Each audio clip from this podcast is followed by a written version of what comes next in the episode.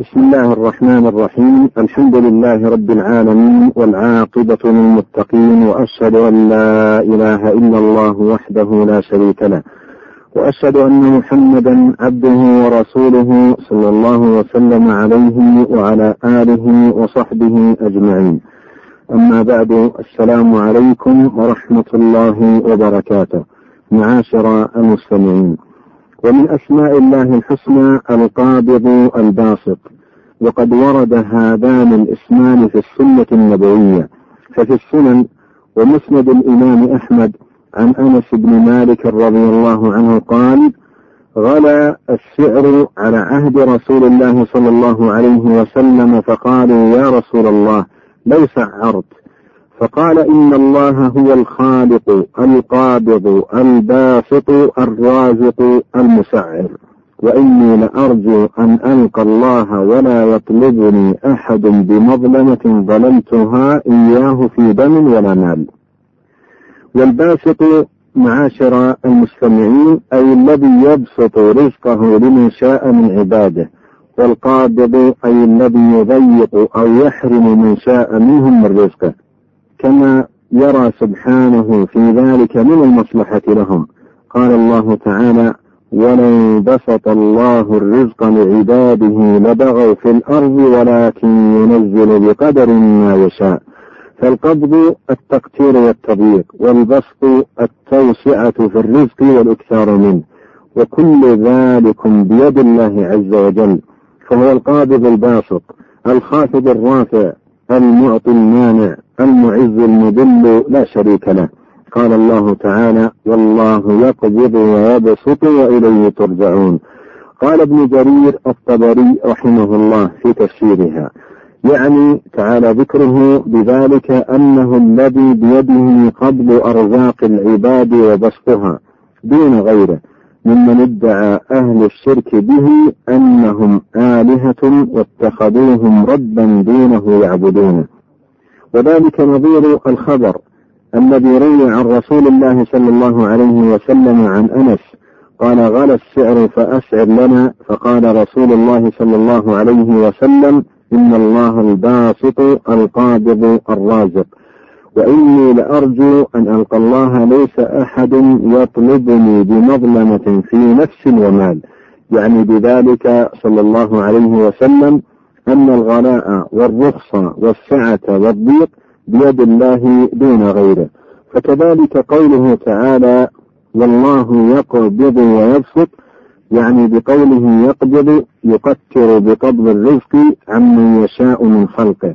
ويعني بقوله ويبسط أي يوسع ببسطه الرزق على من يشاء منهم.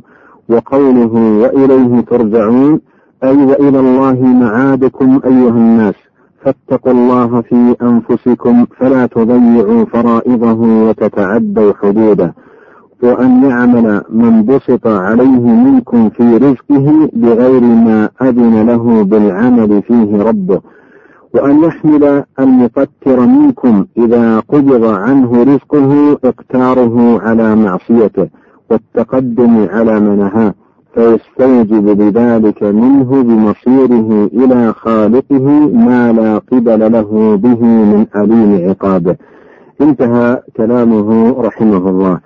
معاشر المستمعين ففي هذا السياق تنبيه لمن بسط الله له في ماله أو علمه أو مكانته أن ينفق مما آتاه الله وأن يحسن إلى عباد الله كما أحسن الله إليه. ومن ضيق عليه في ذلك فليلجأ إلى الله وحده طالبا مده وعونه وفضله معتقدا أن لا باسط لما قبض ولا قابض لما بسط ولا مانع لما أعطى ولا معطي لما منع. كما قال نبينا صلى الله عليه وسلم يوم أحد حين انكفأ المشركون قال استووا حتى أثني على ربي. فصاروا خلفه صفوفا.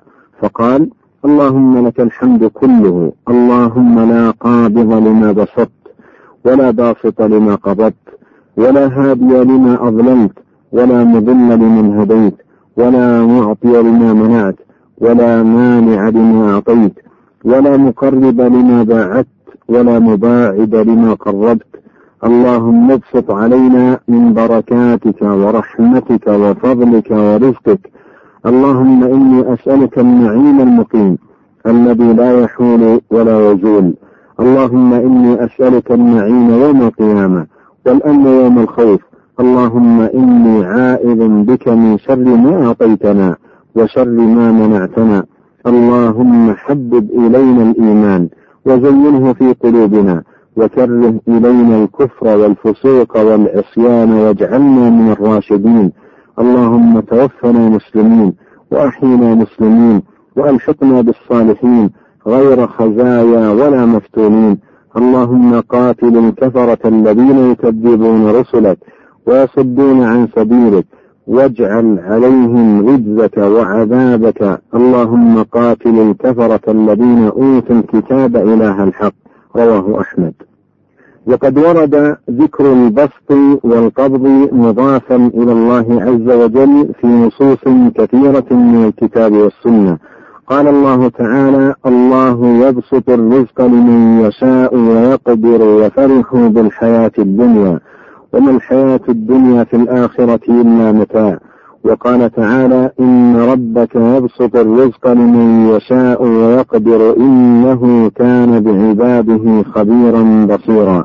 وقال تعالى قل إن ربي يبسط الرزق لمن يشاء ويقدر ولكن أكثر الناس لا يعلمون. وقال تعالى قل إن ربي يبسط الرزق لمن يشاء من عباده ويقدر له. وما أنفقتم من شيء فهو يخلفه وهو خير الرازقين. وقال تعالى بل يداه مبسوطتان ينفق كيف يشاء. وقال تعالى وما قدر الله حق قدره والأرض جميعا قبضته يوم القيامة. والسماوات مطويات بيمينه. سبحانه وتعالى عما يشركون. وقال تعالى ثم قبضناه إلينا قبضا يسيرا. روى مسلم في صحيحه. عن أبي موسى الأشعري رضي الله عنه عن النبي صلى الله عليه وسلم أنه قال إن الله يبسط يده بالليل ليتوب مسيء النهار ويبسط يده بالنهار ليتوب مسيء الليل حتى تطلع الشمس من مغربها. وروى البخاري ومسلم عن أبي هريرة رضي الله عنه قال سمعت رسول الله صلى الله عليه وسلم يقول يقبض الله الأرض ويطوي السماوات بيمينه ثم يقول أنا الملك أين ملوك الأرض؟ فدلت معاشر المستمعين هذه النصوص ونظائرها أن القبض والبسط كله بيد الله تبارك وتعالى وبتصريفه وتدبيره سبحانه. يبسط لمن يشاء في ماله أو عافيته أو عمره أو علمه وهو الحكيم الخبير. قال الشيخ عبد الرحمن بن سعدي رحمه الله في التعليق على قول ابن القيم رحمه الله في نونيته هو قابض هو باسط هو خافض هو رافع بالعدل والميزان.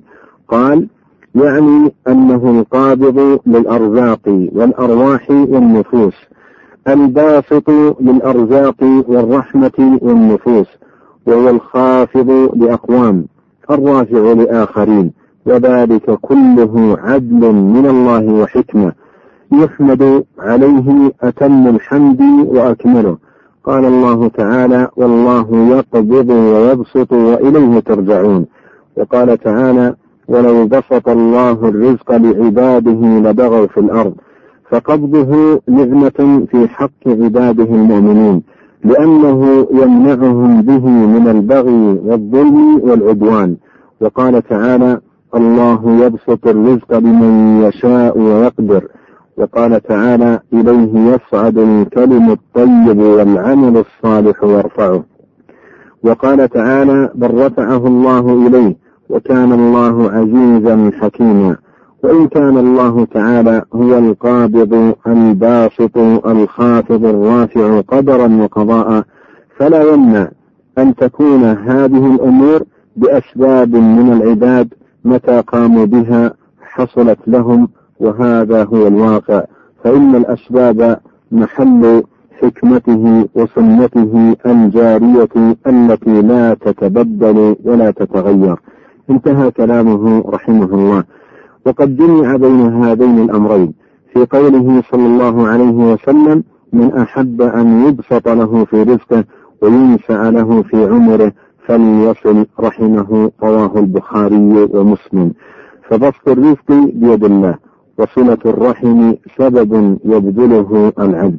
اللهم ابسط علينا من بركاتك ورحمتك وفضلك ورزقك. وبهذا تنتهي هذه الحلقة. وإلى لقاء آخر والسلام عليكم ورحمة الله وبركاته. فقه الأسماء الحسنى. الأسماء الحسنى الحسنى. برنامج من إعداد وتقديم الدكتور عبد الرزاق بن عبد المحسن البدر تنفيذ عبد المجيد محمد يوسف.